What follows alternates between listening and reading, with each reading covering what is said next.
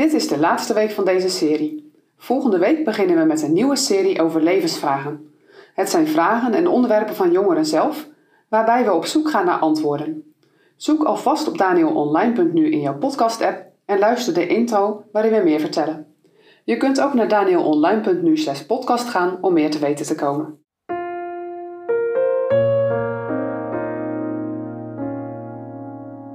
Goed dat je luistert naar onze podcast Een Goed Begin over de brieven van Jezus Broers. Vandaag met Arjen Guis.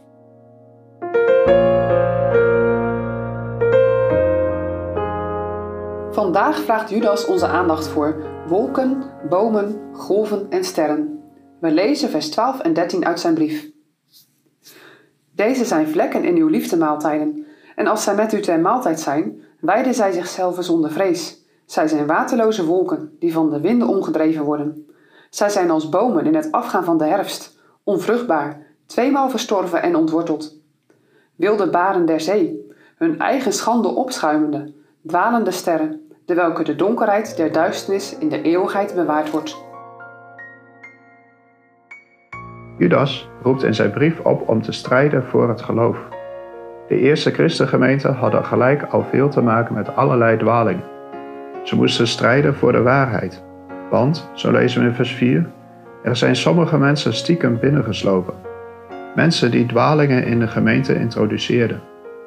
Misschien deden ze dat doelbewust, maar vaak sluipen dwalingen ongemerkt binnen en duurt het een tijdje voordat de dwaling ontdekt wordt. Judas vergelijkt deze mensen met allerlei voorbeelden. In vers 8, 10, 12, 14, 16 en vers 19 lezen we steeds deze.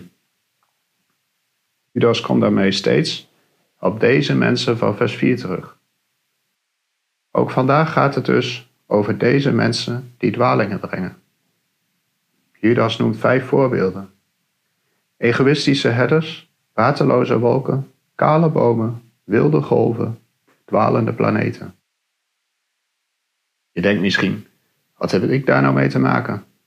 Zulke mensen kom ik nooit tegen. Misschien toch wel. Want deze mensen worden uitgenodigd bij de maaltijden, lees ik in vers 14. Dus het zijn mensen die je graag aan tafel ziet. Mensen die je graag om je heen hebt. Misschien ben je zelf wel zo iemand. Fijn gezelschap. Maar toch? Ook kunnen het zelfs mensen zijn die deelnemen aan het avondmaal. Gisteren werd in onze gemeente het heilige avondmaal bediend. Het komt toch wel ineens dichtbij, hè? En luister vooral goed of je meer herkent van wat ik zo ga zeggen. Judas schrijft over egoïstische herders. Herders leiden een kudde schapen of geiten naar grazige weiden. Je kent dat wel uit Psalm 23. De Heer is mijn herder. Maar deze herders, ze zorgen niet voor hun schapen, maar ze zorgen vooral goed voor zichzelf en ze schamen zich daar niet voor. Egoïsme, vooral aan jezelf denken. Het tweede voorbeeld is waterloze wolken die overwaaien zonder regen te geven. Akkers zijn afhankelijk van regen. Zonder water groeit er niets en is er geen oogst. Je kijkt enorm uit naar regen en dan komt er eindelijk een bewolkte dag. Gelukkig. Maar nee, het bleef toch droog. Het leek heel wat, maar je had er niets aan. Het derde voorbeeld is bomen in de herfst.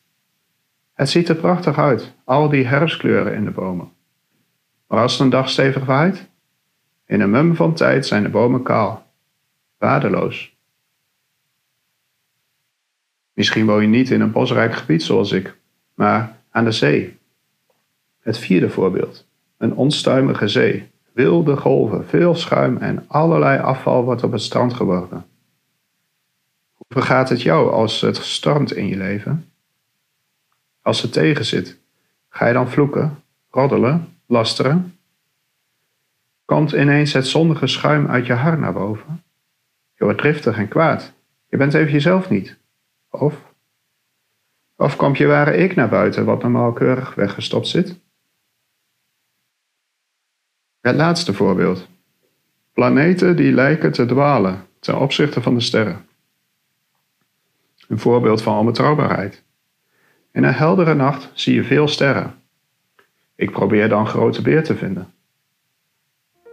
De stand van de sterren was vroeger erg belangrijk om positie te bepalen. Maar dwalende sterren, planeten, veranderen van positie. Onbetrouwbaar om je te oriënteren, dan verdwaal je.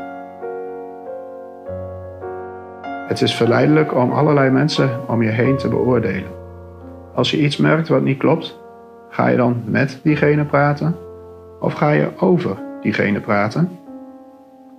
En als je zelf in de spiegel kijkt, herken jij jezelf in deze voorbeelden van Judas?